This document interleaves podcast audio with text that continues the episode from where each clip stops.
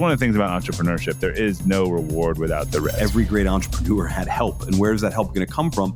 It's going to come from that social network. You don't have to be smarter than everybody else to make money doing asset allocation and save. I think there's a danger when you're in business to find arrogance, and especially if you're doing really well. At the end of the day, I ain't nothing special. I'm just a guy. What has value? Well, what has value is whatever people say has value. I'm going to get better and better and better at what I do as I get older. So the best me is going to be the me right before I die.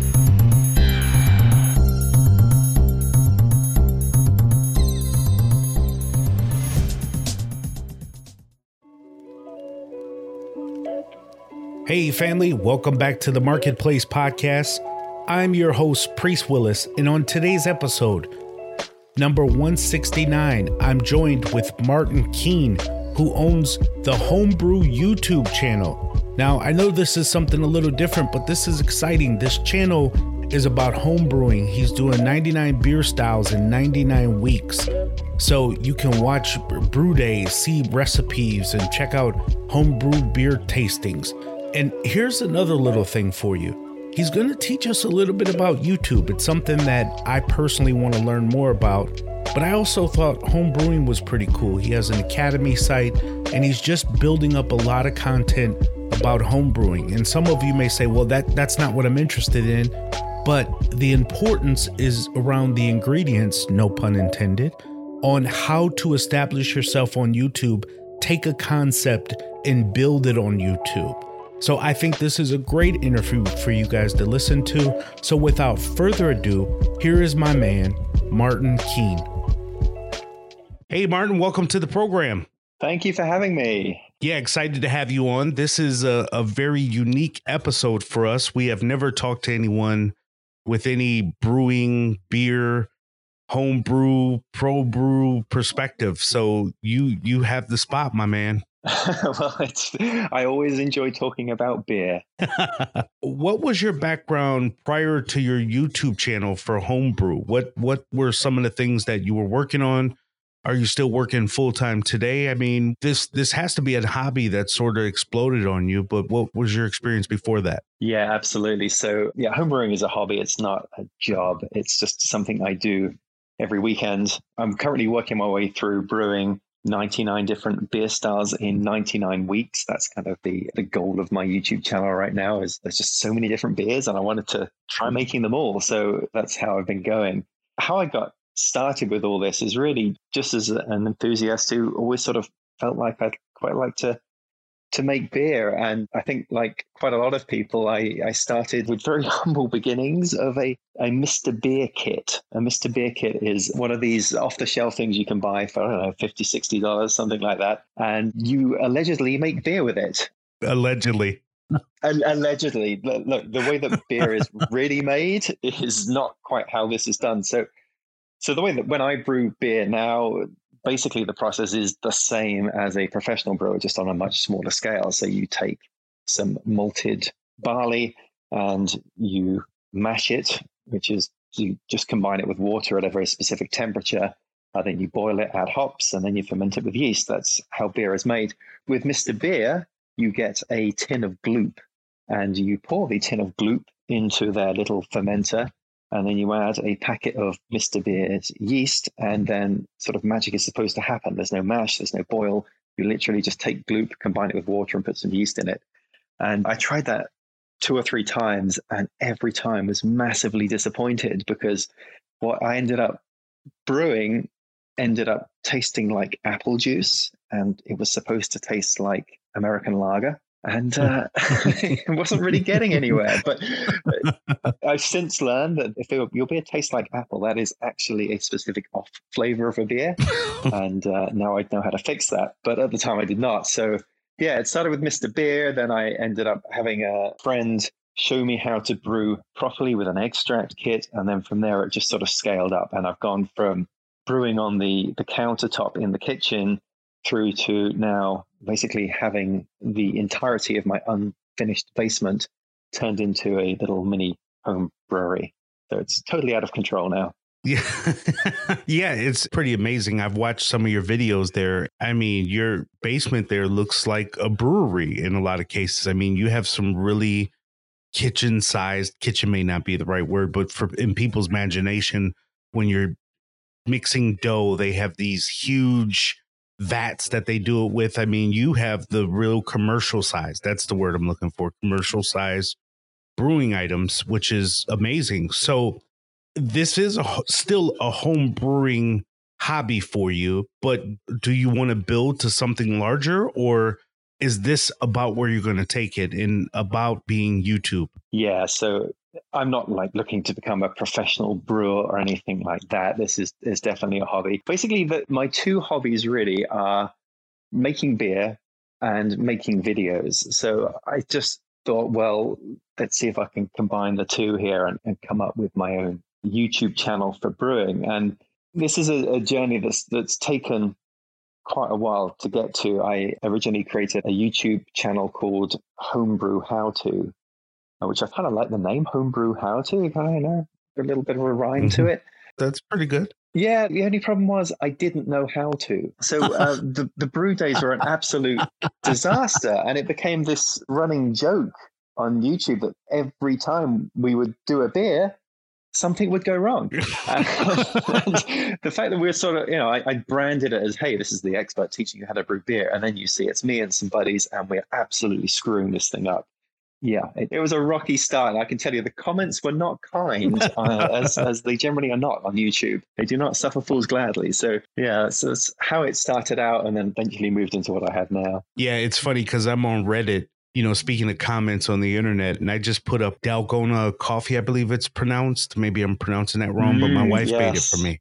And it was awesome. And then, you know, for the most part, and I posted it for the Raleigh Reddit group, and like over 130 people liked it. But then there were some people with snide comments like, hey, how much sugar is in there? And dude, you said it's yum. Yum is not an adjective. And I'm like, are we being like people can be petty on the internet, man. So you're kind of bold for going out and brewing right in front of the YouTube viewers who you know are going to try to assassinate you because they don't have any hopes, dreams, or goals of their own. So what else to do? Yeah, it's pretty brutal at first, but honestly, it worked out really well because you know, we would make the most ridiculous mistakes that you know I look back now, like, oh, of course you shouldn't do that and so forth, but you just don't know. Well, as long as you don't mind these snarky comments, you can actually get a ton of useful feedback out there. So mm. it, it ended up making me a much better brewer by putting everything out there and not hiding the mistakes and getting people's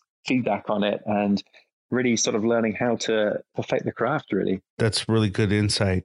So tell me, with somebody that has a full time gig, homebrew is more than a notion, but I'm sure that can be done during the weekends and particularly being in this quarantine environment that we're in today. But then you also do the editing for YouTube.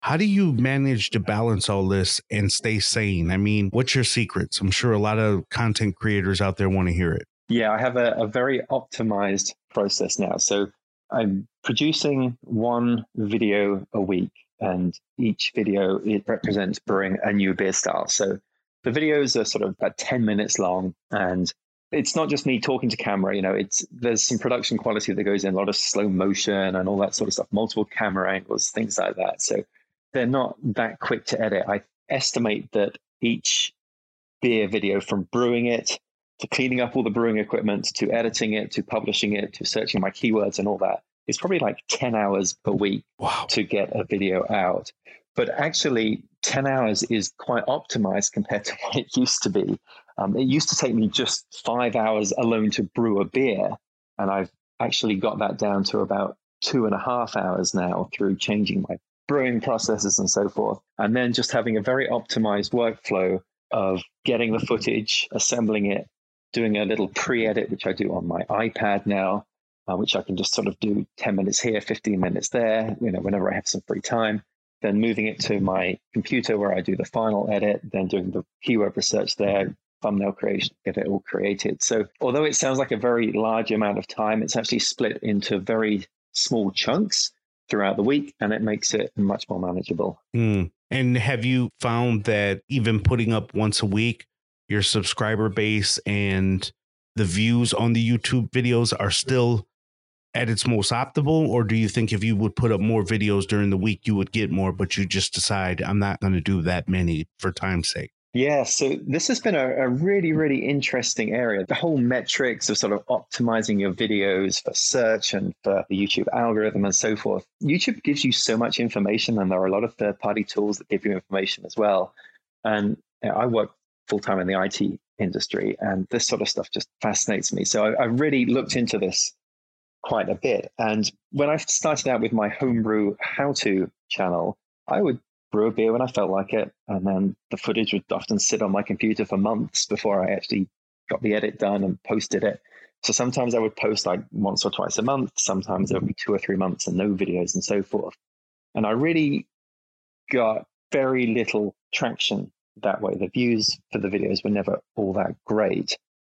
And when I rebranded from Homebrew How To to the Homebrew Challenge, where I, my thing is 99 beers in 99 weeks, I've now given myself this commitment that I had to brew every week because I've got to do this for basically two years to get through all of the beer styles. And I fixed a publication schedule. So my videos always come out on Tuesdays at 3 p.m. Eastern Time. And what I found was that once I started to publish on that very regular schedule, then I just started to build up the audience. And I could see that in the subscribers, in the number of views for the content as well. That people were expecting to get that content at a certain time. And I often see that in the comments, people mentioning, oh, it's Tuesday. I always look forward to your videos on Tuesday, that sort of thing, which I, I love to see. But it just it creates a consistent roll of videos and people know when it's coming. Now, occasionally I have done a couple of extra videos that I've published on a Saturday. I think I've done that twice so far. And I was very curious to see how would that work. Like, are people going to watch a video if it doesn't come out on a Tuesday and they've already seen me once this week? Is is this going to be too much? But actually, those videos have done really well as well. So I think if I had the time to create even more content, perhaps that would help increase the growth. But just in general, I found mm. that if you if you publish on a steady schedule frequently enough, once a week is, is still pretty frequent, then I think you are going to build an audience that way. And I just was not seeing that when I was publishing just ad hoc wherever I felt like it. Yeah, you know, I, I find it interesting because you are tackling two worlds at once, and both are, make no mistake about it, both are enjoyable. You can tell during your videos that you really do enjoy doing it, but you're attacking the YouTube side, which can be an animal in itself. And then you're creating kind of this homebrew thing, which again, you obviously enjoy from your videos and who would take on almost two years of taking on this challenge if they didn't appreciate it at some level? But I just wonder when does it turn from a hobby to a business in your mind? Because what tends to happen is when something becomes a business, then the fascination of it all tends to go away quickly. and so, even though you may not call it a business, maybe in some realms it is a business because you're monetizing videos and you're kind of creating this small home brew brand around it.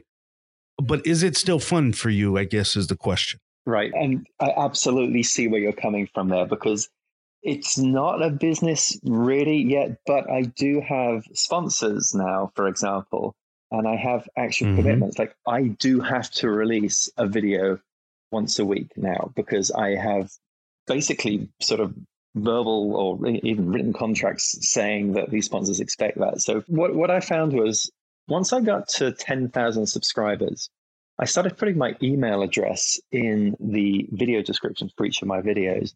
And I just said, for business inquiries, see this email address.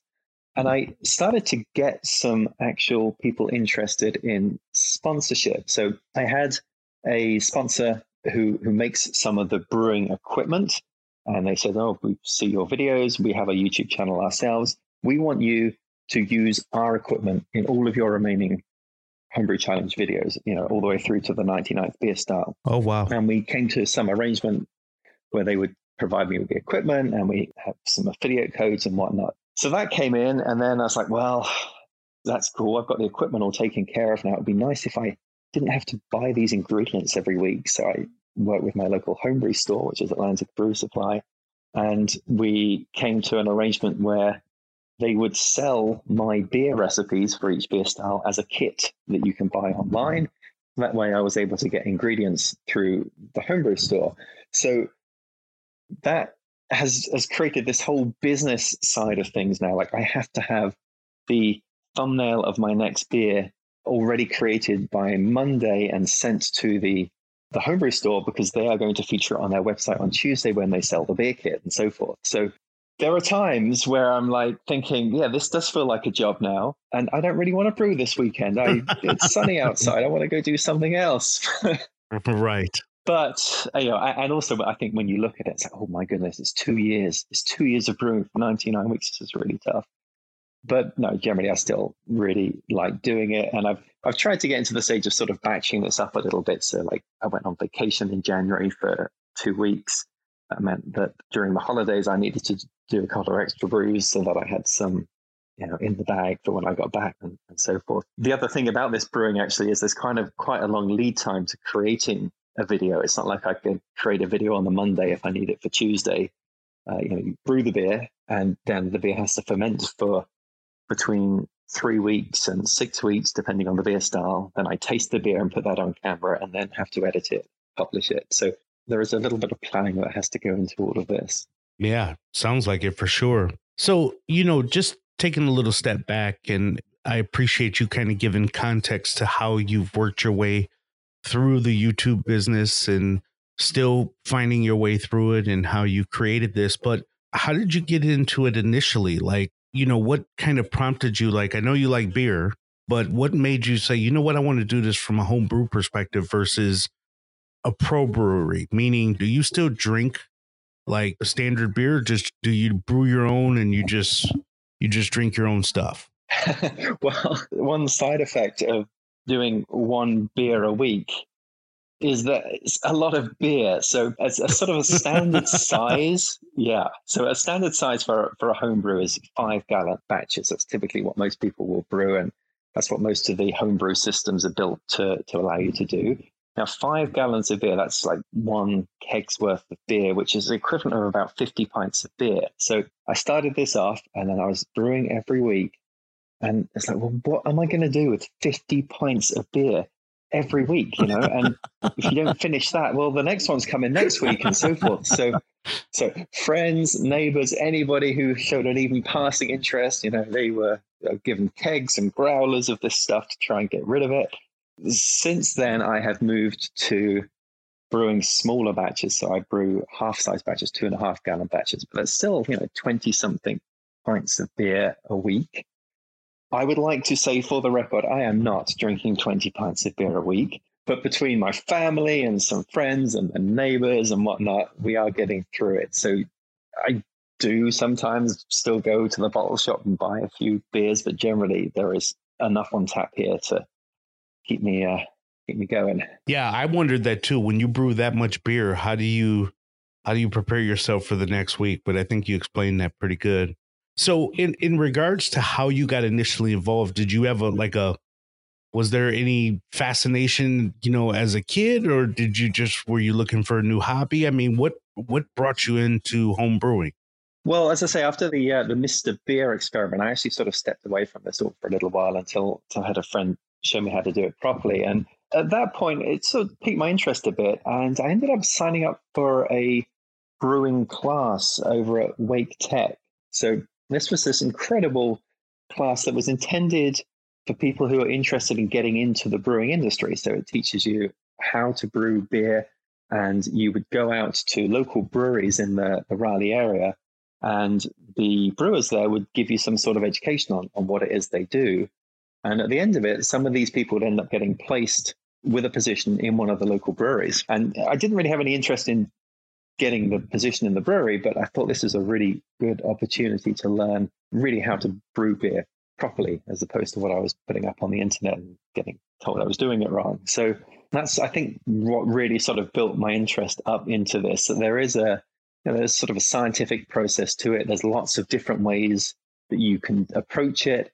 Um, and there's just this incredibly wide variety of beer styles that you can make just by combining three ingredients, really, you know, the yeast, the hops, and the, the malt, how you could get such very different beers from something like a Bud Light to a Guinness. You know, the, the ingredients between those two beers very, very similar, and just learning how tweaking something here and there would, would affect the finished product is really what got me fascinated with this whole thing. Hey guys, many of you know that I've started my own business in many different ways. I've started several different side hustles, and frankly, there's no real way to duplicate myself other than outsourcing my business. And along the way, I've found trials and tribulations of meeting different people using different platforms like Upwork, Fiverr, all these different systems that entrepreneurs and other people like myself tend to use and I wrote a book about it. It's called The Beginner's Guide to Outsourcing Your Business. Find, hire, and build your team virtually today. As an entrepreneur, you cannot handle every business process yourself. In business, results matter, and your goal to produce the best results matter. How do you do this? You need a team. Read this virtual outsourcing book. It's on Amazon. Click the link in today's show notes. It's only $2.99. So click the link in the book description let me know that you ordered it today. Love to hear your feedback about it. And if you're looking to build out your team and expand your brand, outsourcing is the answer. Pick up the book, The Beginner's Guide to Outsourcing Your Business today. Now back to the show. Do you think the pro beer breweries are feeling the pressure of craft beer and home brewers scaling?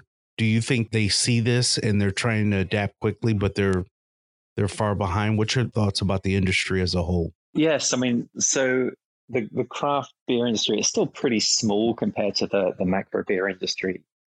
But what seems to have happened is, you know, initially all of these breweries have been opening up, and you just see new breweries on the street all the time, especially in, in the area where we live here in Raleigh. There's just a ton of different breweries. And what's happening now is that as those have become more and more popular, you're starting to see that these big commercial breweries and, and commercial beer companies now are purchasing these much smaller microbreweries and adding them to their profile. So this is in the news all the time that you see, you know, there's another microbrewery that's been bought up by InBev, the company that runs Budweiser and so forth. So they're starting to accumulate them. And it's, it's a bit of a shame because what is really nice about the whole craft beer thing is just how local it is, how I can go to, whenever I go to another town, I will always try to check out the brewery there and they'll always have something interesting and you know, maybe a style I've never even tried before. And it's not like when you go to another town, you know, the restaurants are all the same. It's the same fast food places everywhere you go and so forth. But with craft breweries, they're all locally owned, they're all different. The way that they present the beers is different. So it's something that just sets it apart from your standard brewery sort of setup. So mm-hmm. I, I just hope that the microbreweries continue to be local and independent as much as possible. And we're not just going to see everyone bought up and everyone becomes the same. So, seeing where craft beer and home brewing has been, where do you see it going? And so we kind of talked about the acquisition of craft beers and you know we know that there's a scaling that's happening in general but the larger picture where where do you see this all going maybe a few years from now even? Well it seems that the idea of craft beer is just getting more and more popular so you just expect to see that more and more. It used to be for example you'd go to a concert or a sports event and you could only buy blood and Coors Light and stuff and now all of those places carry craft beers, for example. So you just see it available more and more places. So it's nice to see that rise in it. What I've also seen is that this is becoming a bit more widespread. So I think homebrewing in the US in particular has really had a head start over a lot of other places in the world. There are so many great homebrew shops. There are a ton of companies now producing really, really good homebrew equipment, some of it which makes it incredibly easy to brew beer. And you're starting to see that adopted elsewhere around the world now. Now, I have a lot of family in Australia, and I only go there every few years. And when I go, I've really noticed a, a change in sort of how beer is perceived over in Australia. When when I went three or four years ago, it was all the big breweries, and they were just basically serving variations of lager. And I went again in January of this year, and suddenly there's craft breweries everywhere, and they're all serving these completely different styles of beer. There's saisons and triples and porters and all this sort of stuff that I'd never seen in Australia before. So it's starting to see really this this movement spread everywhere, and it's, it's fantastic to see. Yeah, that that's amazing how much it it's starting to build, and as you pointed out here in the Raleigh Durham area, it's going crazy. So it, it's really interesting to see. So for people who don't understand beer, first I'm going to ask you kind of to walk me through a process of setting up a beer, any kind of beer, what the ingredients, you know, how do you set your setup?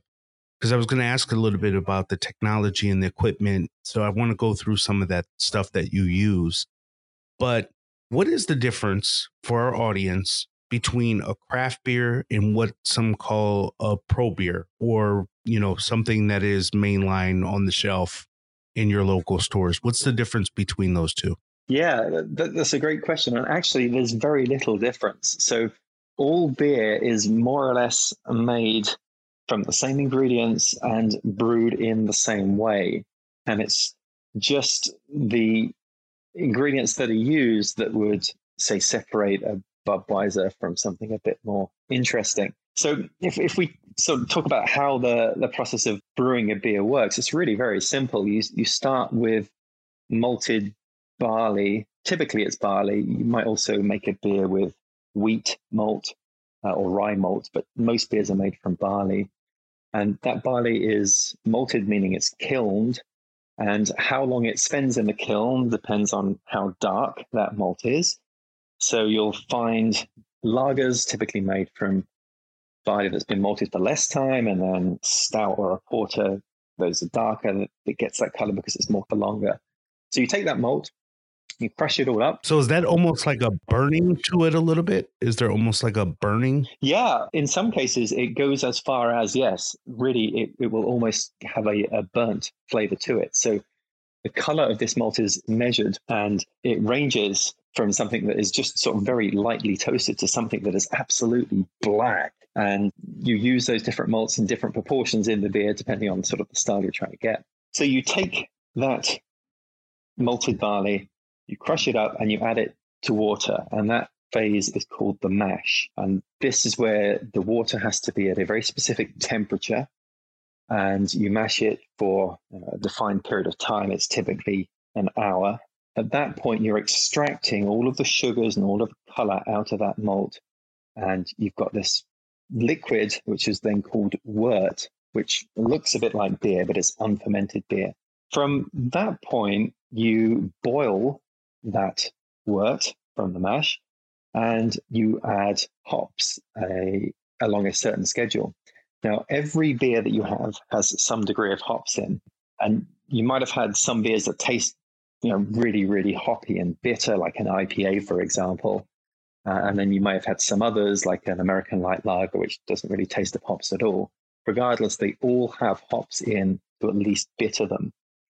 But the interesting thing about hops is depending upon when you add the hops into the boil, they do different things. So if you add the hops in at the very start of the boil, those are known as the bittering hops, and that affects the bitterness of the beer. If you add it very near the end, that affects the aroma of the beer.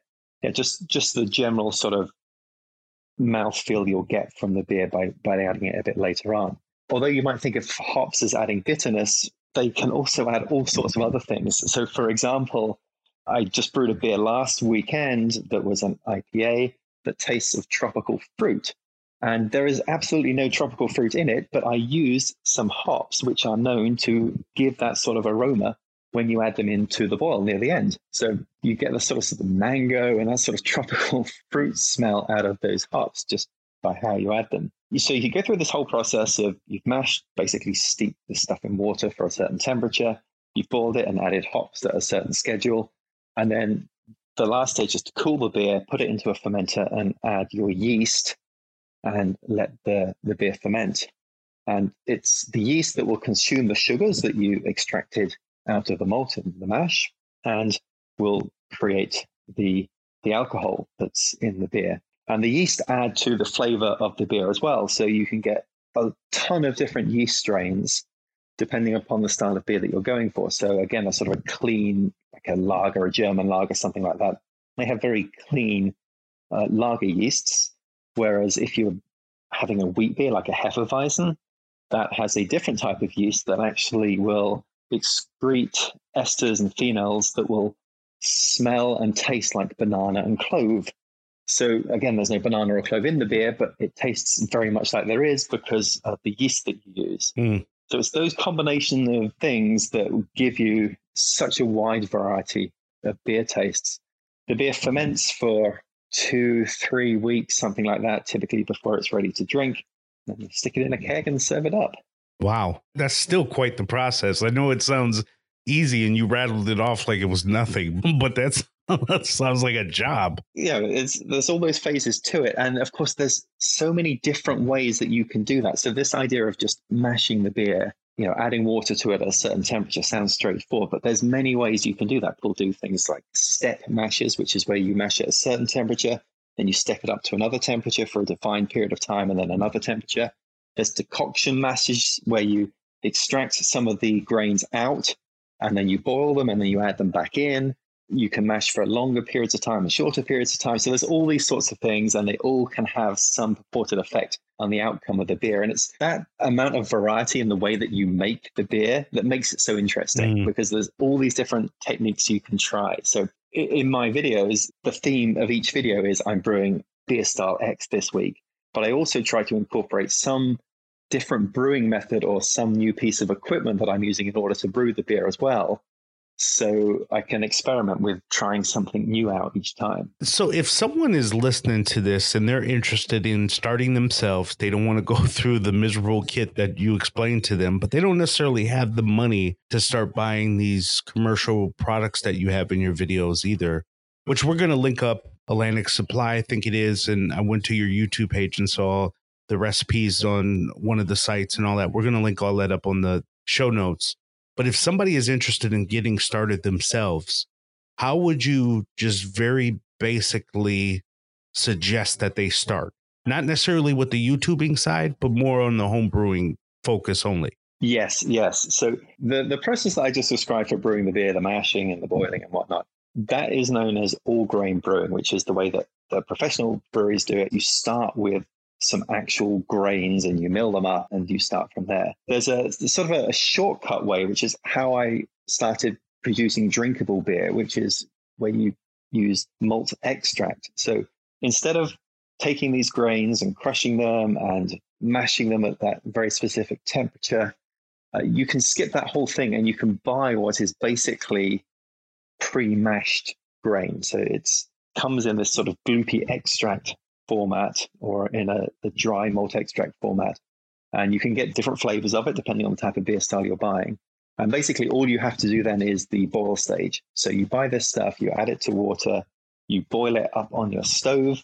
Now you add the hops when it tells you to add the hops. It typically comes with a yeast packet as well. So you'll then put that into some sort of basic fermentation vessel, which can really just be a bucket with a lid on it. That's how I started. And that allows you to brew a beer from beginning to end, really with very little actual equipment involved. So you don't need all the fancy stainless steel gear and the 240 volt uh, heating element, and all this sort of stuff that I have set up in my brewery. You can literally do it on the stove in a pan uh, and then ferment in a bucket with a lid on it, and you're going to make beer. And actually, I've made some very, very good beer that way too. Yeah, it's always interesting to me because whether I'm on Reddit or some kind of forum, and you see people who get started in something, let's even take podcasting, for example, they go out and buy the most expensive shite that they can find and show you their home studio setup.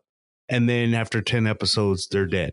They don't do it anymore. Same with YouTube, right? So it's kind of like, you know, if people are really interested in this, start practically. Don't go off and buy the, the stuff. But as you grow, like you, you start getting more stuff because you know what it means to brew a little better or a little maybe not better but different so you know there there's a maturation process it sounds like in this industry Yeah, absolutely. It's it's so easy to get started that it really doesn't need much equipment. You can try it out, do a few batches. If you don't like it, well, fine. if you do like it, you might want to then sort of graduate onto one of these all grain setups that I talked about. And what I found myself doing is I just kept stepping up equipment over time and I would sell the old equipment on Craigslist or Facebook Marketplace or whatever.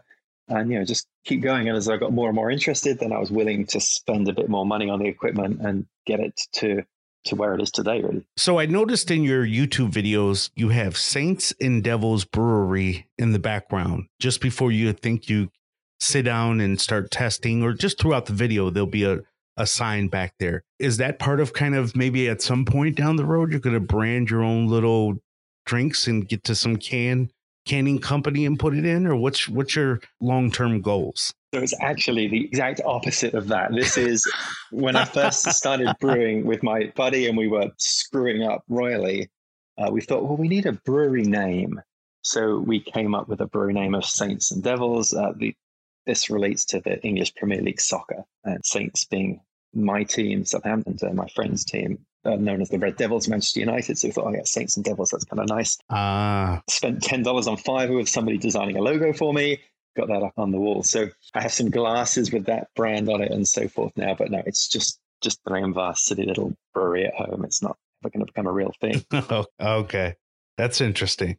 So, what's your plans? You plan to knock this 99 out at some point? I say it like it's so simple. You plan to knock this out and just but I I know it's been a process for you and during thing of love here. But what's your next plans? Will you have future challenges? Will you go back to a more how to, maybe a what you learned through this challenge? What what's kind of your future plans for the for the YouTube channel and your brewing all together? Yeah, a, a, lot of people have asked me like, what are you going to do after the 99th beer? yeah. And my, my first answer is I'm not going to be brewing every week because my goodness, like, it's it's a lot. It's a lot. It's a lot of beer. It's a lot of time.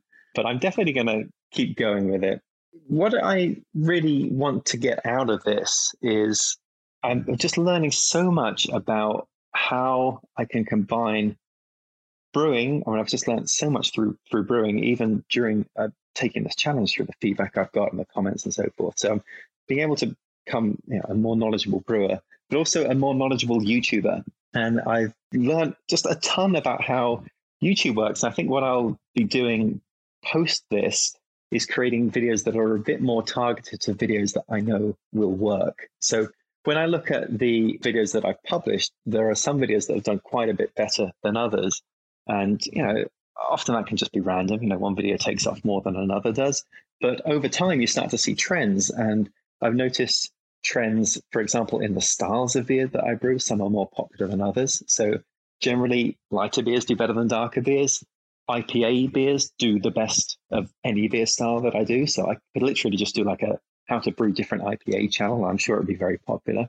The other thing that I've learned is how important a thumbnail is to the YouTube video.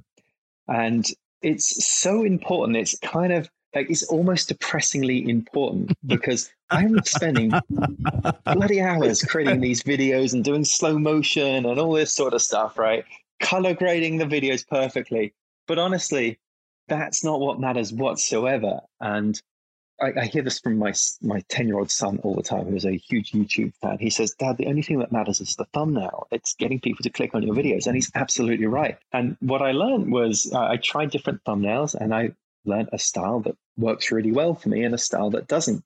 And if you go and look at the Homebrew Challenge YouTube channel, it's really very obvious just from the thumbnails alone which style works and which style doesn't. And, for me, when I have pictures of people in the video holding a beer and smiling, which is how I started all of my thumbnails, those don't do so well.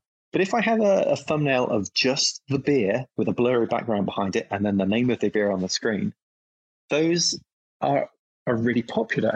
and it's it's like almost without exception when I go and look through the videos, the thumbnails that I had with people's faces on them did pretty poorly, and the thumbnails that just had the beer and the beer name on them did really, really well. So just sort of learning stuff like that is has been really interesting. So going forward, I think we're not going to do another 99 beer challenge or something like that, but I will be able to optimize the type of videos I create because I think I now know what my audience on YouTube is looking for. Yeah, that, those are really good learnings because, and even offline, I'm going to pick your mind on a couple of things. There are things, and we'll we'll see if this needs to be edited out to some degree, since people are more interested in you and home brewing. But I do want to draw a parallel between what you're doing on YouTube and what's happening on YouTube today.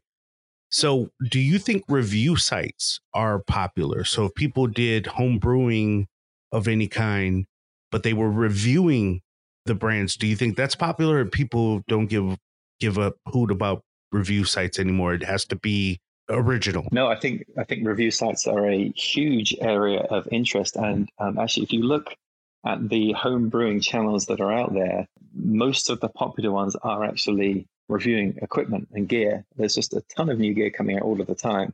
And the biggest channels are the review channels. So I think the idea of a, a beer channel that's a bit more focused on brewing different beer styles actually was a bit of an anomaly. Most of this, the uh, the content, the popular content, is yeah, re- reviewing of products. Do you ever send your brews off to be reviewed at some level with other people? No, that, that, that's that's an interesting question. So there there are all sorts of beer judging competitions where you can send your beers to be judged.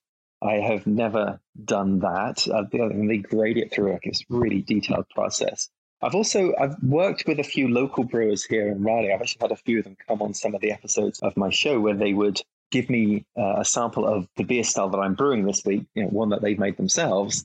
So, for example, I was brewing a dark mild recently, and I went to Bond Brothers Brewery, and the head brewer there, Whit Baker, he had a dark mild that he'd brewed, and we tried that on camera.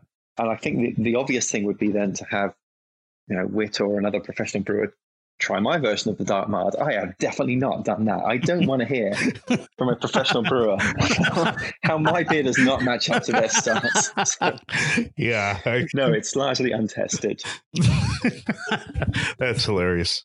Yeah, well, look, I think first of all, I, I've never tried the beer. I'm sure I could stop over at some point once the quarantine is done and maybe test a little yes, bit and let you know what. Please do. But the the beer looks great and the site or the YouTube channels look great. Your process looks very professional, very clean. And I'm not professional enough to find the errors in it. So to me, and again, we're going to share this on our podcast page, the episode page for people to look at, read, watch some of these videos. I think it's so well done. That's why, even though we know each other through somebody. I just thought I needed to talk to you anyways because you're doing it at such a high level. I think I'd be remiss not to have you on. So I really do appreciate you being on. And if people want to get in contact with you or maybe dig into more what you're doing, get in touch with some of those recipes that you talk about, where can they find that that kind of stuff at? Yeah. So really every I don't have any other social presence apart from YouTube. I know a lot of people have an Instagram page for their brands or a Facebook page or something. YouTube is everything. So head over to YouTube, leave me a comment, or I have got my email address on each one of those videos there. Also, if you are local to the Raleigh area, I need tasters every single week to try one of my beers on camera. So every every time I've brewed a beer, we uh, pour a couple of pints of it, and on camera we'll taste the beer and just sort of share our opinions of it. Right now, my tasting audience is limited to people in my house because you know, we're the quarantine. But when that gets lifted, I need tasters. So please, if you're interested and would like to drink some beer and relieve me of this huge quantity of beer that I have in the house, please let me know.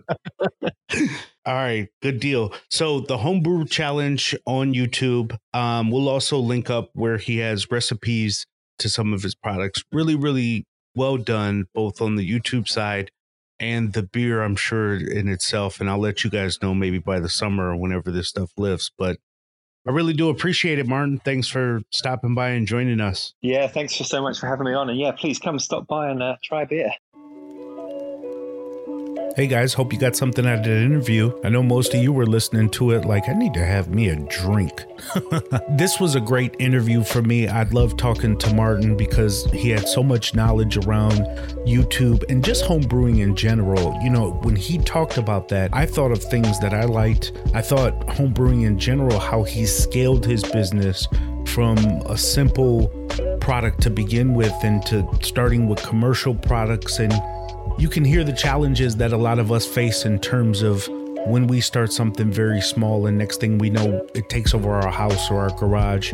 So it was just really good to hear it inspiring for me because again i want to get on youtube myself and i love to hear what other people are doing on youtube or how they're setting up their business or what are they looking at in the white space in the business. So this was really good. Listen, I really appreciate you continuing to come back over and over again to listen to these episodes. It means a lot to me. It really does. It takes time to research these guests, bring them on, connect with them and really try to ask questions that I think you want to hear, that I know I want to hear. So I'm doing it for us, and hopefully it's meaningful for you. And if it is, I'd love for you to go to iTunes, leave a review for us. Also, email me and let me know. My email address is priest, P R I E S T, at insidethemarketplace.com. Otherwise, you can even tweet me at Priest Willis and let me know what you think quickly there. 140 characters or less. Come on now. That's easy. That's free. That's cheap. That's quick. But also share the message. Get the word out about Inside the Marketplace. We're wherever there's a podcast. Continue to listen to our episodes wherever you want iTunes, Spotify, Google Play, iHeartRadio. We're all over the place. I'm excited that you continue to come by. I'm honored. I'm blessed. It means so much to me that you do, that you take the time out to be a part of this. So until next Sunday, when we have another great guest, I'll talk to you soon. I'm the best ever. My style is impetuous. My defense is impregnable. And I'm just ferocious.